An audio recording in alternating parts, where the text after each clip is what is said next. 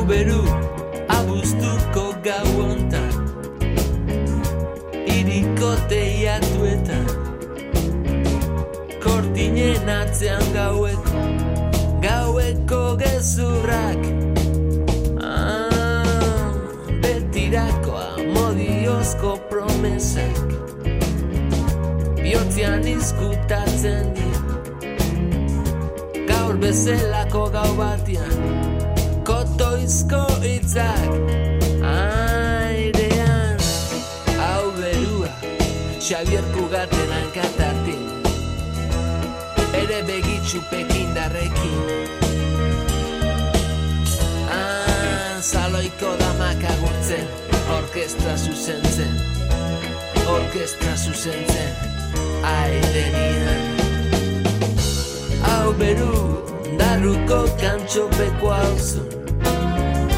hauzu Zoru zazezan diate alantxen Biutxik nabilerako Katuk moro Katuk moro Katuk moro Hau izerdia nere gorpuz guztian ¿Qué tal estáis? Os enviamos nuestro saludo desde la Casa de la Palabra.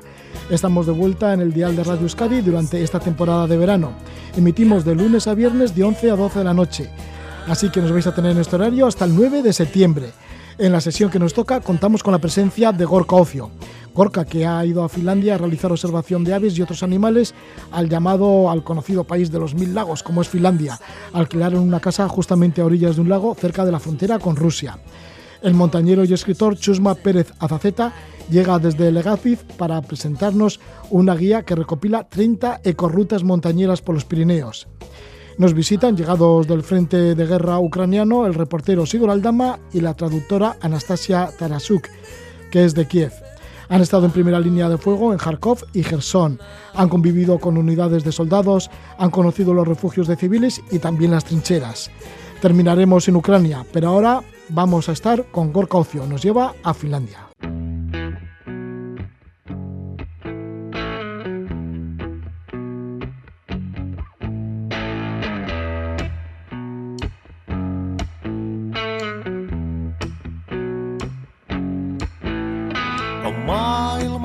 Täynnä kaikenlaista turhaa. Saasteita, tuhoa, sotaa ja murhaa. Ja internetti pauhaa, kertakäyttökamaa. Paina nappia vaan ja saat siitä samaa.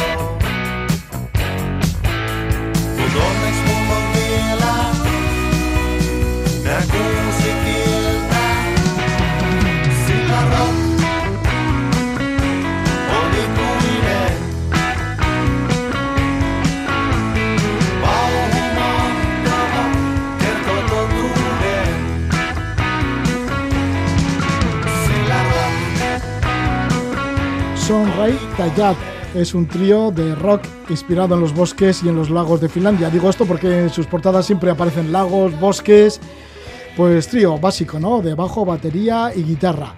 Ahí está este grupo finlandés y vamos hacia Finlandia. Nuestro primer invitado hoy aquí en la Casa de la Palabra es un viejo amigo, un buen amigo, Gorka Ocio. Gorka Ocio que continúa con sus viajes ornitológicos alrededor de los ecosistemas de nuestro planeta. No para de realizar avistamientos tanto por tierra como por mar, observador científico en barcos pesqueros, promotor de verballenas.com con salidas de Bermeo y Santurce para observar fauna marina, activista de la red Avistamiento de Aves y Mamíferos Marinos, que suele estar en medio de temporales con sus prismáticos en el Cabo Machichaco, por ejemplo, entre otros sitios. Y ahora regresa de estar en Finlandia, el país de los mil lagos. Le damos la bienvenida a Gorka Ocio. Gabón, Gorka. Gabón Roge. Bueno, que ya sabes que la Casa de la Palabra es tu casa. Tantos años has estado en compañía. Pues desde, desde los inicios casi. Estuve la primera vez que hablé contigo, que te conocí, fue en el 98. En el 98. En ¿no? 1998, en un viaje que. Mi, mi primer gran viaje, que fue al Pantanal brasileño. Y, y desde ahí hemos eh, tenido una relación muy bonita de todos estos, de todos estos años y con pena y tristeza porque, porque te vas. Sí, ya me voy, pues se acaba el contrato y ya a partir del 3 de julio me voy a apuntar a la jubilación. Ven- y, y esto se acaba. Un privilegiado, pero bueno, tú seguro que sigues. eh. Sí, bueno, ya tengo la edad y así que... Todavía seguirás, seguro, todavía seguirás. Bueno, la profesión espero no dejarla, así que... Pero bueno, una pena, sí. Eh, bueno, esto es, es de lo último que estoy grabando, de la Casa de la Palabra, también de Levando Anclas. Pero, por ejemplo, Levando Anclas va... He grabado tantos programas que durarán hasta el 8 de enero, espero, del 2023. Y la Casa de la Palabra va, va todo el verano, o sea que estamos en eso, de lunes a viernes, de 11 a 12 de la noche. Y Gorka, pues sí, nos has acompañado sobre todo los viernes, ¿te acuerdas? Sí, Cuando llegaba el fin de semana, pues comentándonos todos los avistamientos que hacías de, de fauna marina con las salidas de verballenas.com.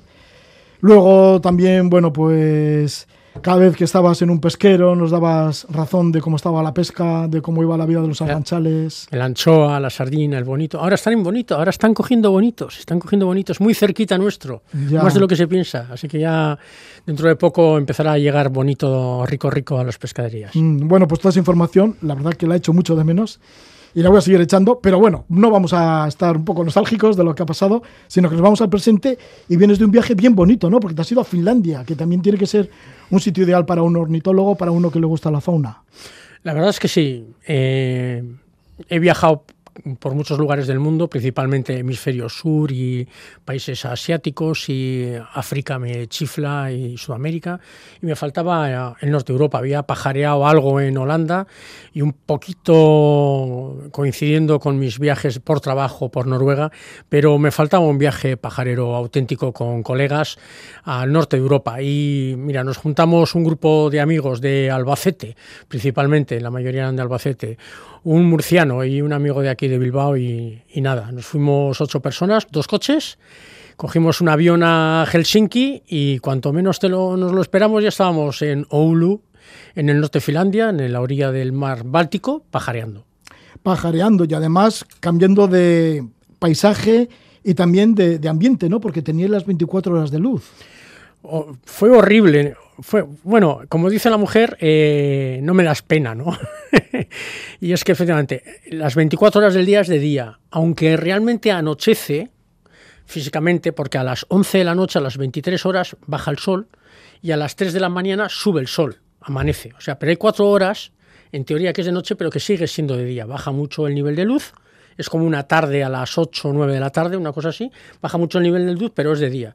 Entonces nosotros no tenemos conciencia realmente de que anochece, y entonces eso nos ha hecho que pajareásemos durante 18, 20 horas seguidas, una bestialidad.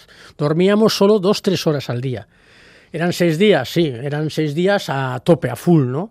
Había que aprovechar porque incluso por la noche es cuando se ven los lecs de los urogallos, cuando salen los mamíferos, cuando puede- tienes oportunidad de ver algún glotón o puedes ver alces o... Y bueno, pues eh, para ver esas cosas tienes que salir, o sea, ya que estás ahí tienes que aprovechar. Entonces eh, llegaba un momento que nuestro estado de sueño y cansancio era tan grande que en trayectos de 200 kilómetros conduciendo se, nos cambiábamos de, de choferes cada, nada, tres, tres personas, cuatro personas se cambiaban de chofer, ¿no? Porque al final acabamos eh, realmente agotados, nos metíamos mucha caña de pajareo, había que andar mucho también, pero sarna con gusto no pisca. Ya y tanto, si dormíais tan poco, porque claro, había tantas horas de luz que vosotros a lo vuestro, a vuestra afición, a vuestra pasión. Y luego además, ya que dices que ibais en dos coches, que ibais conduciendo, y claro, igual ibais conduciendo y mirando para aquí para allá, para ver lo que podíais observar.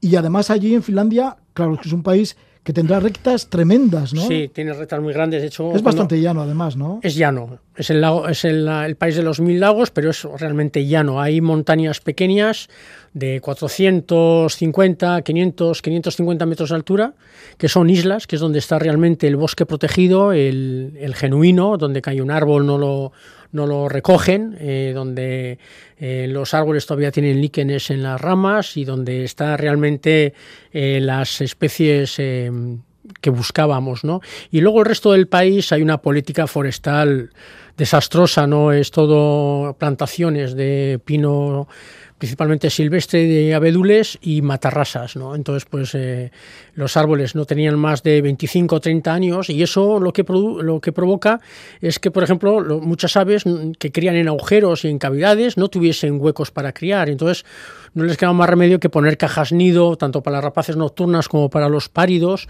para que pudiesen criar, ¿no?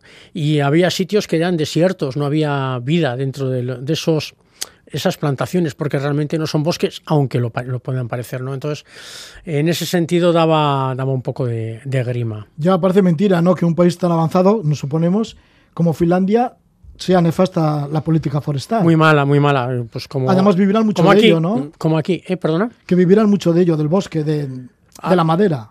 Sí, sí, ahí es todo de, de madera. Ahí el pino lo utilizan de madera para muebles y el abedul para leña.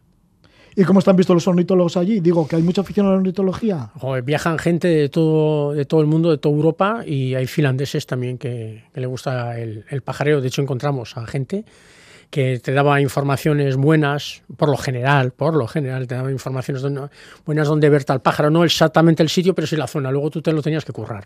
Sí, habéis estado en la zona esta de Ulu, cerca del mar Báltico, a las orillas del mar Báltico, y luego también estuvisteis llegando hacia Kusamu, que está en la frontera rusa. Sí. Bueno, hay que decir que Finlandia tiene como 1.300 kilómetros frontera con Rusia. Sí, sí, tiene, tiene una, esos 1.300 kilómetros de frontera rusa, una zona plagada de realmente de, de lagos, ¿no? Entonces la gente, joder, vas a ir a la frontera rusa, estáis locos. Pues la guerra está, por desgracia, está en otro sitio, ¿no? Está, está en Ucrania, no tiene nada que ver, o sea, eh, por, el tema por las, de, las distancias. Estuvimos en Oulu, en Oulu contratamos una empresa finesa para buscar nocturnas, porque si no, si no vas con un guía local, no lo vas a ver, o sea, no vas a ver nada. Eh, y ya que viajas, llegas ahí, pues no te queda más que contratar los servicios de un guía que cobra su, su tela, son caros. Eh, y bueno, y gracias a él pues conseguimos ver delicateses como mochuelo chico, carabo uralense, carabo lapón, lechuza gavilana e incluso lechuza de tembla, ¿no? Mochuelo boreal. También nos enseñó algunas zonas buenas donde se veían las lechuzas campestres cazando, donde se podía ver aguiluchos, que no llegamos, no conseguimos a ver, y vimos buenos lecs, que son campos de batallas, entre comillas, de, de, gallos, como en este caso el gallo lira. Los gallos liras ya habían, se habían reproducido un mes antes, y entonces pero todavía quedaban jóvenes que estaban más salidos que el pico en una plancha y que todavía se pegaban por las hembras que no había, porque las, las hembras ya estaban emparejadas y ya estaban incubando los huevos, pero todavía ellos hacían lecs, hacían esas paras nupciales que sacaban todas las plumas blancas hacia atrás, arqueaban las alas, se pegaban, se, bueno, se vio cositas, cositas muy bonitas. Y en Kusamu, porque alquilasteis allí, esto en la frontera con Rusia, alquilasteis una casa al lado de un lago. ¿Y ahí cómo estabais? Porque tiene que ser idílico también, ¿no? Mira, igual escuchamos algo.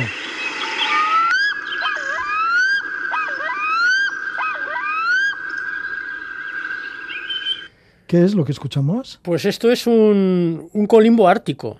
Es, eh, los colimbos árticos que estamos aquí acostumbrados a verlos en invierno en plumaje feo, ahí estaban en plumaje nupcial súper bonitos, y por la noche, que todavía era de día, pues eh, alquilamos una casa en el borde de un lago en Kusamu, a 8 kilómetros en línea recta con la frontera rusa, y oíamos por la noche cantar esta maravilla, ¿no? que eran los, las paradas nupciales de los colimbos árticos. Eh, Kusamu fue un sitio muy bueno de pajareo, vimos muchas especies interesantes, los emblemáticos coleazules trijiblancos, eh, vimos los escribanos rústicos, pigmeo, vimos eh, bueno, eh, piquitortos loritos y bueno, eh, camacholos picogruesos que, que son eh, objetivos de los ornitólogos de primer orden, que conseguimos verlos, verlos allí, una zona eh, bueno, pues eh, don- don- donde nosotros estábamos había que ir muchos kilómetros por una carretera de ripio, que son de esas piedras así sueltas,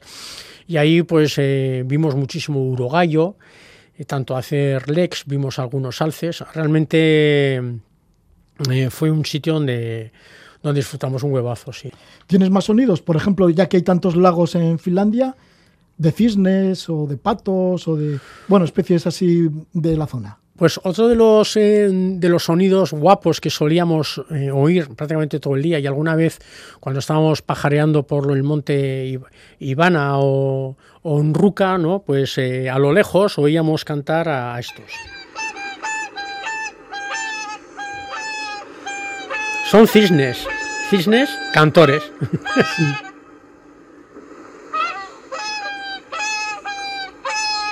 Bueno, qué bonito, ¿no? Y bueno, y, cuando veíais todo esto, vosotros que sois tan aficionados a la ornitología, sobre todo pues eh, aves que solo puedes encontrar en esta zona, ¿no? En Finlandia, ¿qué hacíais? Porque muchas veces, claro, iríais mm, para ver especies que todavía no habíais visto nunca. Sí, yo me he traído 13 especies mm, nuevas para mí y el resto del equipo que llevaba menos, que, que no habían llegado a pajarear tanto por el norte, tanto en el Estado español como en Europa, pues se trajeron eh, muchísimas más, ¿no? Eh, pues un subidón. Sobre todo, ¿sabes lo que pasa? Que nosotros estamos acostumbrados a ver aquí las migraciones de las aves, de esas aves que crían en el norte de Europa y pasan el invierno en África o en el sur de España y, o en, la propia España, ¿no? en el Estado español, y, estamos acostumbrados a verles en ese plumaje eclíptico, feo, en silencio, que se esconden, que son difíciles de ver, como pasan con las pecadas o como con las agachadizas, los archibebes y tal.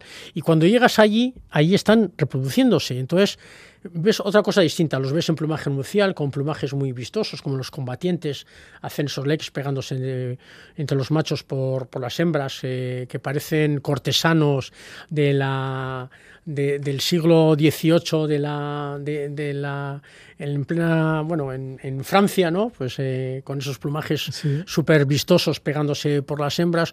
Veías las agachadizas, ¿no? Las mingorras, que aquí estás acostumbrado a verlas que te, te salgan del pie cuando estás andando por una zona húmeda, y allí, sin embargo, las veías cantando, volando y haciendo ruido eh, con las alas, eh, con aleteos fuertes y violentos que meten mucho ruido muy característico, posándose en la copa de los árboles, ¿no? Y en las ramas, los, los archibebes eh, comunes, los andarríos bastardos grandes, o sea, les veías en plena época de reproducción y la verdad es que es que era muy gratificante no solo ver esas especies eh, objetivos sino ver esas especies que habitualmente las ves aquí en invierno pues eh, con los plumajes más bonitos vistosos la serreta grande, las serretas medianas, eh, los eh, osculados o negrones especulados, o no sé, tantas en, somormujos coirrojos con esos plumajes nupciales tan vistosos, tan bonitos, haciendo las paras nupciales, ligándose a sus hembras, construyendo sus nidos y bueno, pues eh, realmente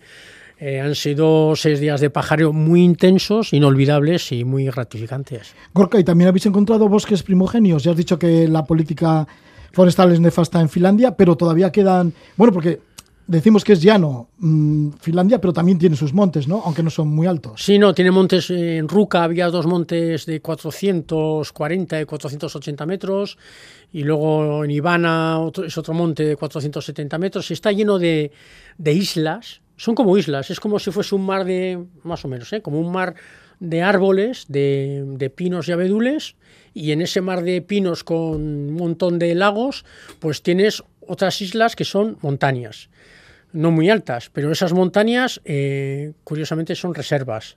Ahí no talan. No... Y entonces eh, es donde ves el, el bosque primigenio de lo que es de la taiga, ¿no? Pues con sus líquenes, con árboles grandes, gruesos, y entonces eran zonas muy ricas en, en aves, ¿no? Y ahí es donde eh, hacías los mejores avistamientos. Era un poco duro igual subir arriba, porque eran desniveles muy grandes, o sea, no era, sí, era uno de 450 metros, pero no son 450 metros en 8 kilómetros, sino que, que lo subías en pocos kilómetros o en un, pero en, en- en cuestas muy, muy, muy, muy empinadas, ¿no? Y bueno, pero merecía la pena, total. Merecía la pena y nos lo has contado, así que te agradecemos un montón. Siempre nos has venido a contar tus historias, tus andanzas por el mundo, tu afición a, la fauna, tanto marina como en tierra. Y esta vez, pues, ha sido Finlandia, el país de los mil lagos. Está Gorka Ocio con nosotros, que por cierto, el 1 de julio comienza la nueva campaña de Ver Ballenas, verballenas.com. La primera salida será, pues eso, el 9 de julio y es la campaña número 13. Ya sí, 12 más 1, ¿no? Para, para, los, eh, para los supersticiosos, sí. 13 campañas increíble, ¿no? Que llevamos ya tantos años haciendo estas salidas de 8 o 9 horas de duración y con, con tantos avistamientos que por eso seguimos tanto tiempo, porque realmente vemos, si no hubiésemos nada, pues hubiésemos durado uno o dos años, pero eh, teniendo en, nuestra, en nuestro morral ballenas azules, rorcuales comunes, ballenas picudas, cachalotes, delfines, calderones, tiburones, de todo lo que hemos visto y que esperamos seguir viendo durante muchos años. Pues que sea así y que vaya estupendamente como hasta ahora os ha ido, pero todavía igual incluso mejor este verano en la campaña número 13 de verballenas.com. Muchísimas gracias, Gorcocio, por estar una vez más con nosotros. Un fuerte abrazo. A ti, amigacho, un abrazo inmenso. Ahora te lo voy a dar en cuanto colguemos. Sí, hasta ahora. Vale, muy bien. Pues y nosotros sí seguimos aquí en la Casa de la Palabra, porque ahora estamos también con otro buen amigo del programa, como es Chusma Pérez Azaceta, que llega de Legazpi para presentarnos una guía sobre ecorrutas montañeras, 30 ecorrutas montañeras por los Pirineos.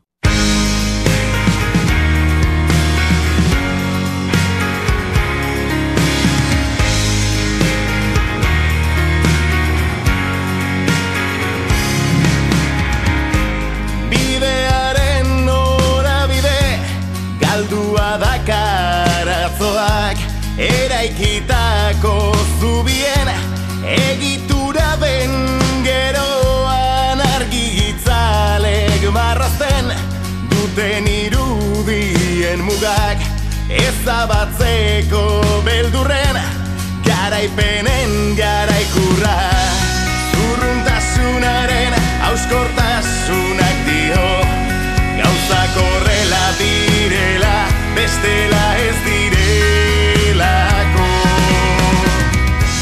Geure miserien jabetza Aitortzen dugun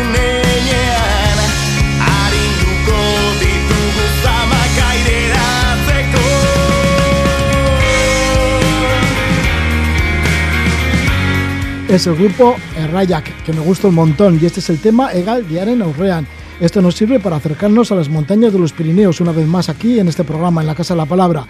Y además lo hacemos con un buen experto, con un gran montañero como es Chosma Pérez Azaceta. Chosma Pérez Azaceta, que nació en Legazpi, en Guipúzcoa, en el año 1958. Es asiduo a las montañas vascas a las que acude con su libreta y con su cámara de fotos.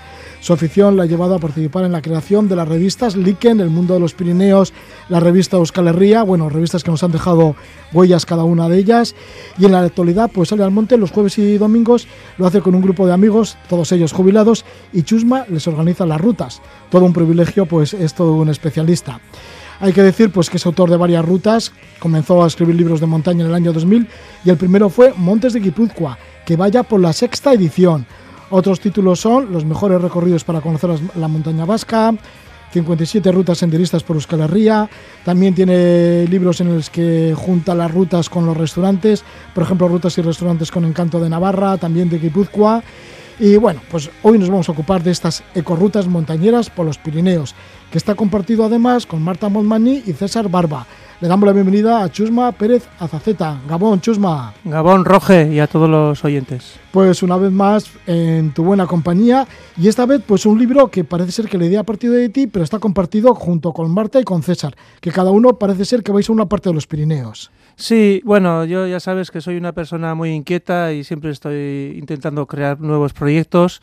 Y en esto de la pandemia, que eh, estábamos encerrados en casa, pues, pues se me ocurrió que podía que podíamos hacer un, libro sobre los Pirineos con buenos amigos que, que tengo en, en Barcelona. En el anterior libro era Eduardo Viñuales y para este eh, Marta Montmani. Todos nosotros somos un poco la, nos conocemos de la época de SUA, ¿no? de la cantera de SUA. Yo he trabajado en SUA muchos años, era el coordinador y entonces un poco eh, conocía y nos hemos hecho amigos ya para la vida y para la montaña, pues tanto con César como con Eduardo y un poco menos con Marta. César Barba pues se dedica a la parte del Pirineo catalán, Marta Montmani de la parte aragonesa y tú de la parte navarra. Antes de meternos con el Pirineo navarro, que es tu especialidad, coméntanos algunas rutas marcadas por tus compañeros del Pirineo, tanto catalán como aragonés, que se señalan en este libro. Sí, ¿Cuál pues te bueno- gustaría realizarlas a ti, por ejemplo? Bueno, eh, me gustaría eh, eh, César, que es encargado del, del, del catalán, pues un poco nos entre eh, empieza desde la de- desde la Alt Empordà hasta el Val de Arán y un poco pues para significar algo que es más conocido también por, por nosotros es podría ser el, el parque de, de Huestortes, ¿no? que es más es, es, conocido es más conocido el Parque Nacional de Huestorte y Estani de San Mauricio por todos nosotros y pues bueno conocer o dar dar un, un paseo por este por este bello paraje pues seguro que nos reconforta y, y, y nos acerca un poco más al, al Pirineo de la parte aragonesa, ¿cuál es algún lugar así de valor ecológico de vuestras rutas? Pues mira, eh, eh, en este en este en esta ocasión hemos hemos unido pues eso, no han colaborado con nosotros el Geoparque Mundial de la UNESCO que está en el Sobrarbe Pirineos. Y en toda la comarca del Sobrarbe pues hay varias hay varias zonas, ¿no? que, que podemos visitar los, los Ibones de Millás, el eh, Chorro de Fornos, Llanos de la Larri, Cañón de Añisclo, muy, muy conocido, o Fajas de Racón y Canalellos, en Torla Ordesa. O sea, todo esto eh, sabiendo que son parte del, del Geoparque Mundial eh, de la UNESCO Sobrarbe Pirineos. En cuanto al Pirineo Navarro, del que tú te encargas, pues tiene que ser muy agradable, agradable digo, eh, por lo que he podido leer en los textos, también la fotografía que tiene, bueno, es muy agradable descansar en la ermita de San Quirico, en la cima de Viguezal, en el valle de Romanzano, ¿no? Sí. Que además se pasa por un dolmen que por la fotografía también parece que es como bastante intacto a pesar de los miles y miles de años, ¿no? El dolmen de Faulo en, en la Sierra de Illón, sí, sí, desde Viguezal. Sí, son, a ver, son igual sierras que, que, que se escapan un poco de, de, la, de la columna vertebral de los Pirineos axial, pero, pero que, que, que están, está muy cerca de la, de la FO de Arbayún y haces una, una ascensión eh, fácil, rap, bueno, rápida, no, eh, eh, corta y, y, arriba te encuentras con una ermita, la ermita San Quirico y por el camino pues, pues destaca el, el dolmen de, de Faulo. Sí, tiene que ser una que está gozada. bien conservado, sí, muy bien conservado. Ya, y sí. tanto que sí, ¿eh?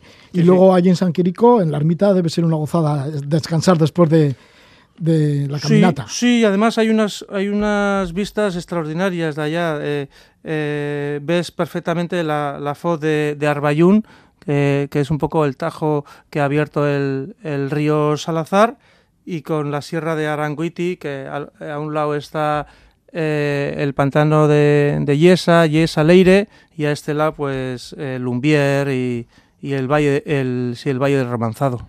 La mayoría son rutas sencillas y circulares, ¿no? Por ejemplo, en Iparralde, la del río Arberoa y la ascensión al monte El Charruce. Sí, es el valle de Arberoa. Sí, el, el valle, valle, de Arberoa. Sí, ¿no? el valle de Arberoa. Sí, porque el río cruzaba diferentes sitios y así. Sí, sí, y un poco eh, hay que. A ver, a ver el, el, los habitantes de, de, de, este valle, de, son unos seis o siete pueblos, pues se han, se han un poco eh, comprometido a practicar un turismo de naturaleza basado en la cultura y el desarrollo sostenible, ¿no?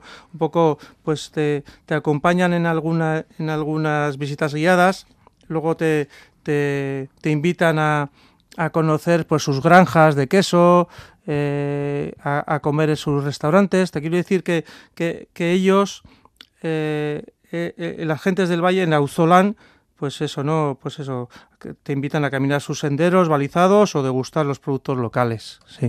Sí, y además, pues la incorporación de, la ascensión a un monte, ¿no? Sí, sí, sí, sí, sí. Aquí ahí salimos de, del mismo de San Esteban y, hacemos una bonita circular a, un monte. A, ver, allá las, los montes no son muy altos, son 420 metros, son como colinas eh, eh, verdes, ¿no? De herbosas, el charruce pero tienen unas vistas, joder, ahí estás entre el mar Cantábrico y los Pirineos y hay una vista extraordinaria sobre los sobre los montes, sobre los Pirineos. Sí, está circular que tiene una distancia de unos 7 kilómetros y medio más o menos.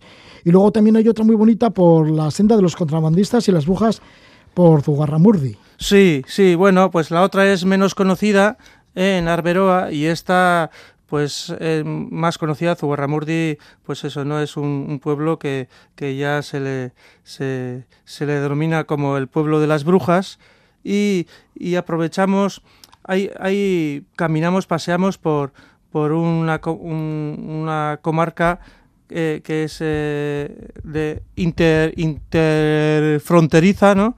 que, que se llama Xareta y que abarca los pueblos de Iparralde, de Sara y Ainhoa, y los navarros de Urdax y Zugarramurdi.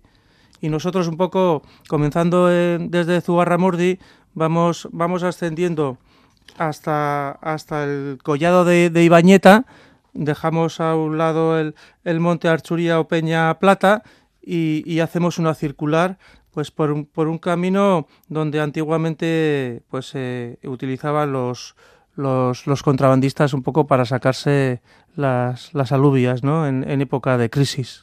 Una ruta circular ascendiendo al monte Mendíbil Sí, y viene sí. a ser como 10 kilómetros todo. Y bueno, pues además fíjate con, con la historia, con las leyendas que por allí, ese episodio de brujería del siglo XVI, Sí, que fueron acusadas más de 300 personas de delitos de brujería y varias mujeres murieron en la hoguera. Bueno, pues todo eso se puede recordar ahí en Zugarramurdi, recorriendo sus sendas y demás. Por ahí nos lleva esta, eh, co- esta con rutas montañeras por los Pirineos y estamos con uno de los autores, con Chusma Pérez Azaceta, que por cierto ya decía, ¿no? Que tus amigos tienen mucha suerte contigo, de llevarle los jueves y los domingos. tus amigos jubilados, ¿no? Que los llevas Sí, por ahí al monte. Sí, además me suelen, pues eso, ¿no? Siempre estoy metido en, en algún, pues eso, un libro al año así y, y siempre cuando ya vamos terminando ya me dice, bueno, Chusma, habrá que empezar el- al siguiente, a ver qué nos preparas y siempre pues eso, ¿no? Con, con retos, con objetivos y nada, pues y además tengo un, un uno de los amigos, Segura Jauregui, que controla mucho el tema de los tracks, de los mapas y así, y él pues yo le digo los objetivos, o sea, los, los montes para hacer o las rutas y él, él, está entre, entre, eh, entre semana pues preparando las rutas, el, los caminos y sí, muy bien, muy bien, nos lo pasamos bien. Y ahora este año ya que, que estamos todos ya eh, libres, pues ya nos quedamos, pues ya eh, cerramos el- la ruta circular con una comida, nos quedamos a comer por ahí, muy bien, muy bien, muy bien. Sí, Sí, sí. Disfrutamos mucho haciendo, haciendo las rutas y luego también hablando de ellas, claro. Bueno, yo se disfrute, mira, luego se traduce también en otros libros, porque todo, todo te sirve. Bueno, vas ahí con tu cámara, con tu cuaderno de apuntes, sí, sí, sí, recogiendo ahí todos los tracks en compañía de, de tus buenos amigos. Bueno, pues que sigáis disfrutándolo y que sigáis también pasando eh, y escribiendo estos libros, editando estos libros, que por cierto, este lo edita Ecos Travel Books. Bueno, sí, es verdad. Mira, yo toda la vida he estado más de 20 años eh, pues trabajando, coordinando y, publicando libros con SUA. Sigo, en estos momentos también sigo editando, publicando libros con, con SUA, pero, pero al te- eh, eh, con, mi, con mi buen amigo César Barba, que, que él regenta o dirige una, una, una editorial, Ecos Travel Books, pues nos hemos, nos hemos empeñado en este proyecto tra- transpirineico y, y en eso estamos. Esta es, este libro es el, el- segundo, la- el segundo de una colección que es Rutas por los Pirineos. El año pasado publicamos Gastrorrutas y este año Ecorutas. O Pues sea, ahí un están poco- esas ecorrutas montañeras por los Pirineos. Gracias por tu visita, Chusma Pérez Azaceta. Gracias a ti, Roge, y nada, a todos los, los oyentes.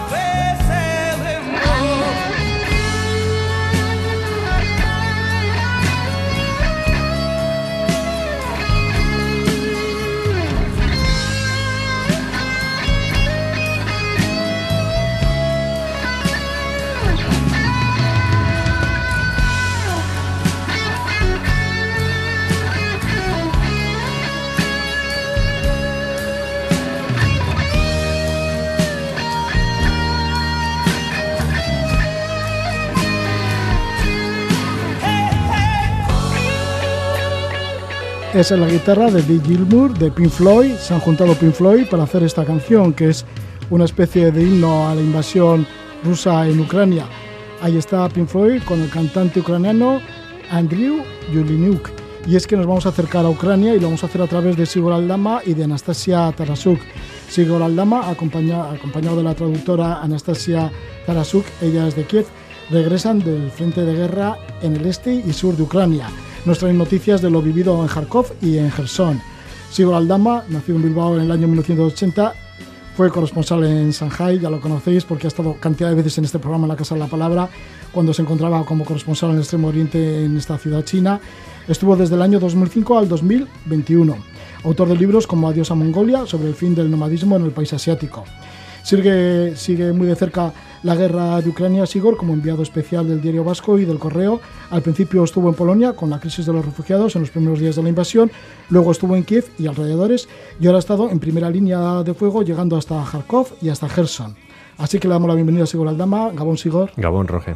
Bien, y también estamos con Anastasia Tarasuk. Ella es de Kiev, estudia filología hispánica. Bueno, solo le quedan dos asignaturas, dos exámenes que los hará dentro de un poquito.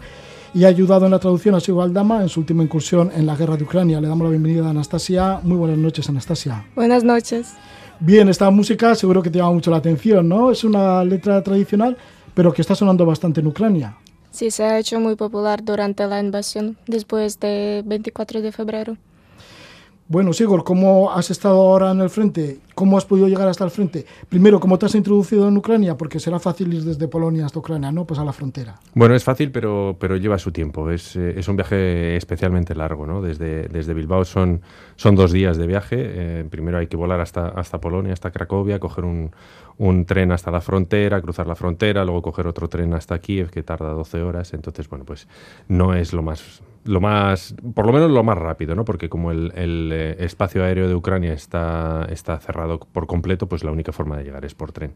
Sí, y además en el tren seguramente que te vas ambientando ya con lo que te vas a encontrar. Digo, por los pasajeros que van acercándose de Polonia hacia Kiev. Sí, ha habido un cambio muy importante, ¿no? Eh, la primera vez que estuve eh, a principios de marzo, lógicamente, los trenes llegaban a Polonia llenos de gente, llenos de, bueno, pues esos 5 millones de ucranianos que han salido del, del país y ahora se está haciendo el viaje a la inversa. La gente está regresando a Ucrania.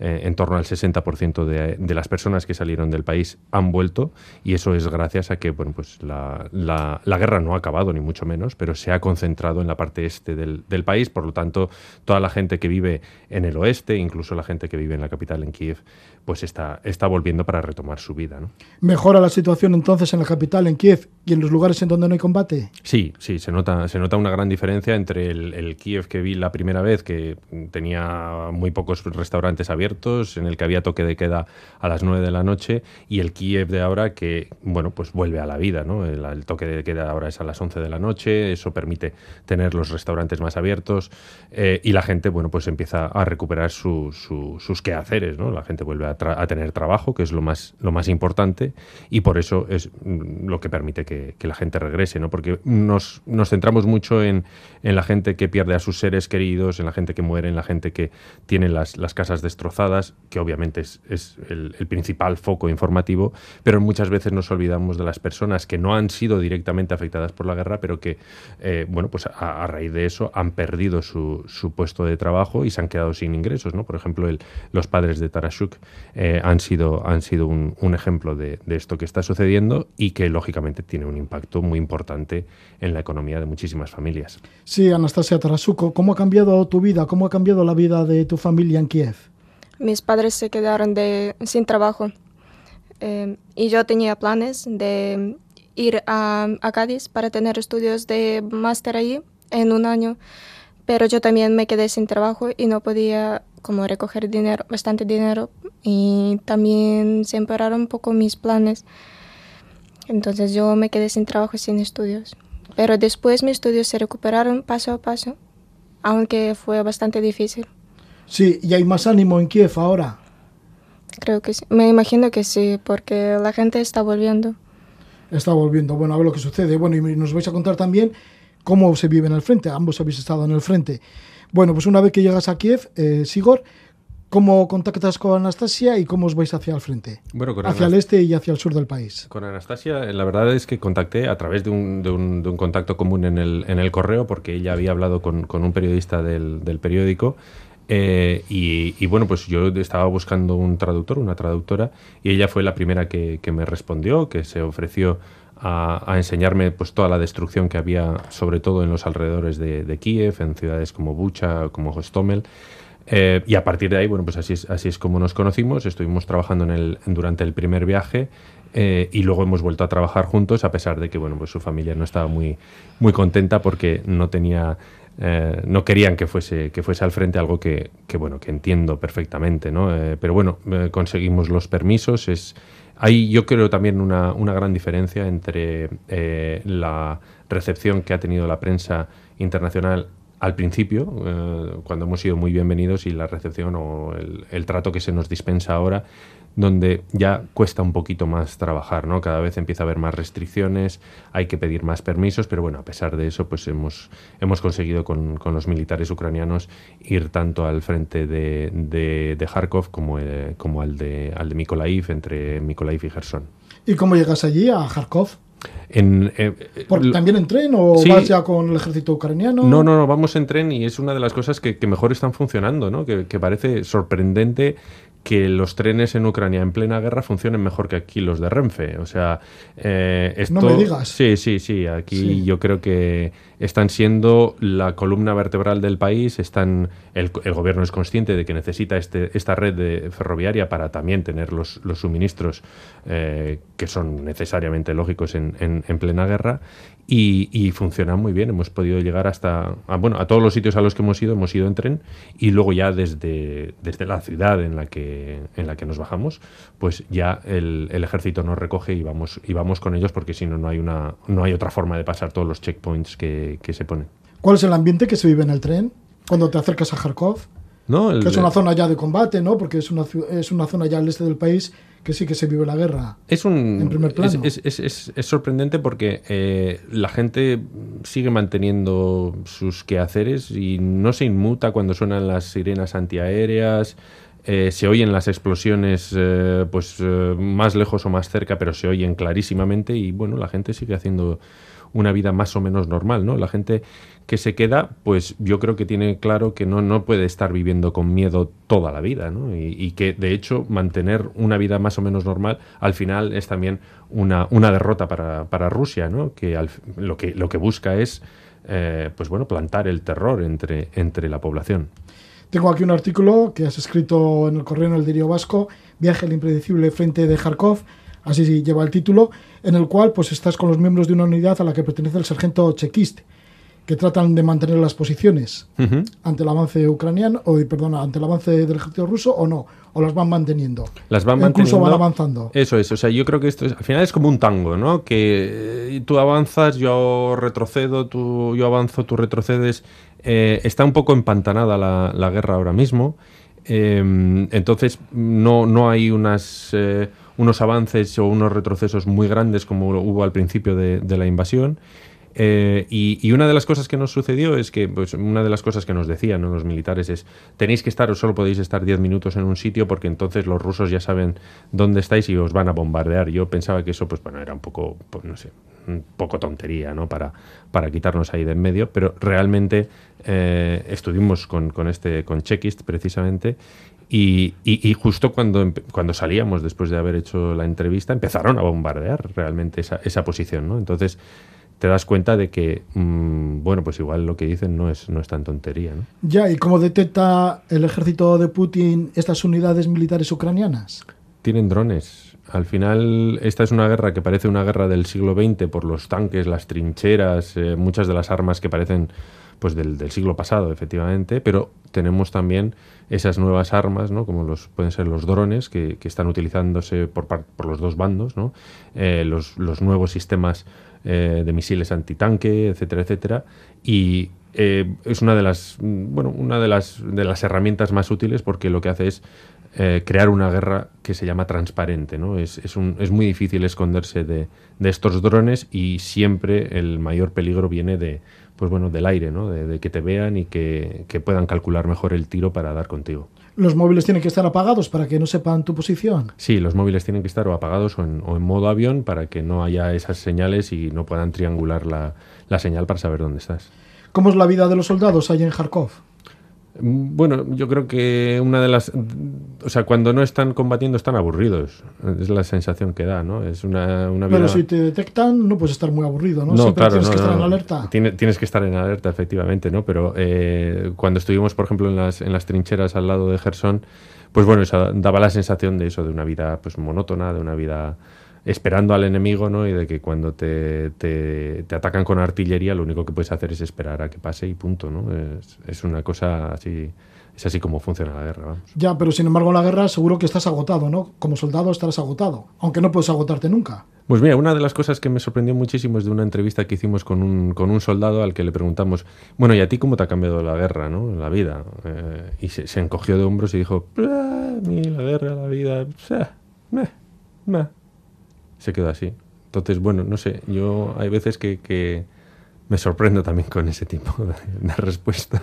Sí, también estuviste con una soldada, ¿no? Con Sí, bueno, es que eh, hay que tener en que cuenta había que... terminado su carrera universitaria, que Claro. tenía ya un pequeño negocio funcionando. Es que no son mu- muchos, eh, hay 700.000 700.000 personas eh, de alguna forma alistadas en las Fuerzas Armadas y la mayor parte de ellas no son profesionales. Entonces, son de las Fuerzas de Defensa Territorial a las que se ha alistado pues, pues mucha gente joven, ¿no? Hombres, mujeres, bueno, y no solo jóvenes, también gente más mayor, incluso estuvimos con una de las estrellas, de las principales estrellas de, la canción ucraniana, de, eh, que ha hecho precisamente una, una colaboración con Ed Sheeran, que cantó con Bono de U2 en el, en el metro de Kiev y que eh, está combatiendo en el, en el frente de Kharkiv, ¿no? Y, y, bueno, pues ahí yo creo que la invasión ha unido mucho a los ucranianos, incluso aunque tengan unas, unas perspectivas políticas diferentes. Anastasia, ¿tienes familia también en Kharkov o en Gerson, en donde habéis estado ahora? Que ya están combatiendo allí. Mm, Tengo familiares en Odessa, pero Odessa no, no está en mucho peligro de momento, creo. Ya, ¿y, y cómo ves, eh, bueno, tú vives en Kiev, pero cómo ves el resto del país, sobre todo las zonas en las cuales, acompañando a Sigurd Aldama, has estado ahora, que son zonas ya en donde hay bombardeos, en donde hay guerra? ¿Cómo lo has vivido tú misma?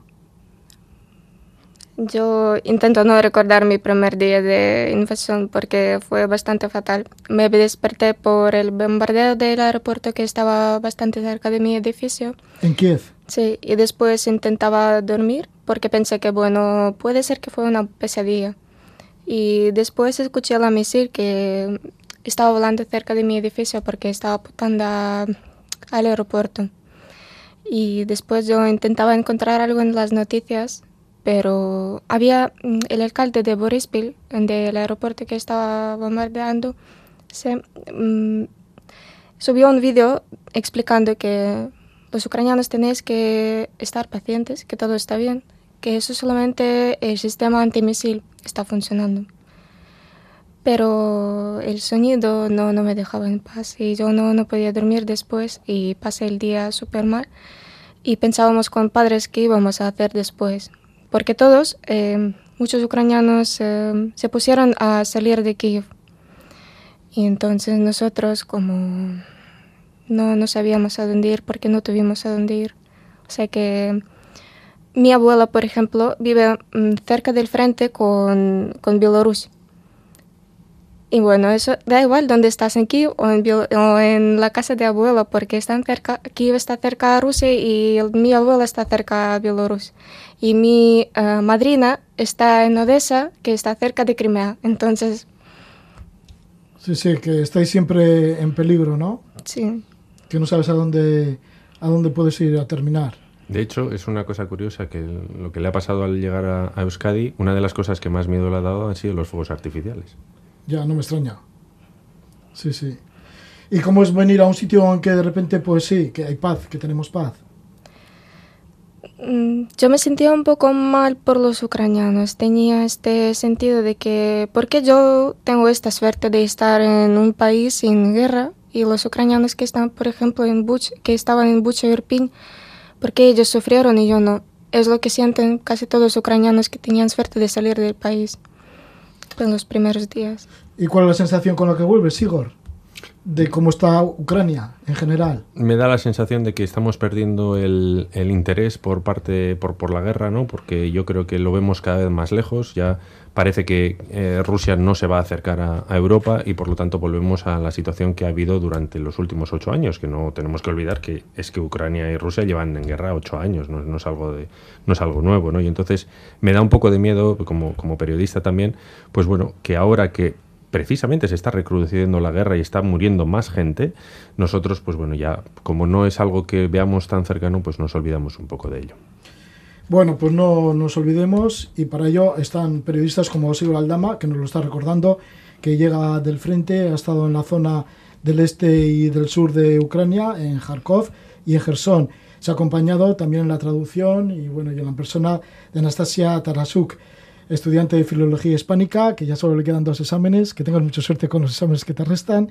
Muchas gracias. Y parece ser que igual tienes un máster por aquí, ¿no? Mm, No sé, probablemente sí, pero de momento no lo sé. No, no, tengo, no lo tengo claro. Bueno, pues que te vaya bien por, por nuestro país y que, y que le vaya bien también a tu familia y a tu pueblo ucraniano. Mucha suerte. Vale, pues gracias por estar con nosotros una vez más, Sigurd Aldama, Gabón, Roger. y por el testimonio. Bien, y nos vamos a despedir con una cantante de Ucrania, con Cristina Soloví, que, le, que le conoces, ¿no? Sí, sí. Vale, pues con esta música ya nos despedimos. Y bueno, avisaros que seguimos aquí en la Casa de la Palabra, en esta programación veraniega, de 11 a 12 de la noche, de lunes a viernes. Así que aquí nos vais a tener. Que vaya todo bien, que disfrutéis.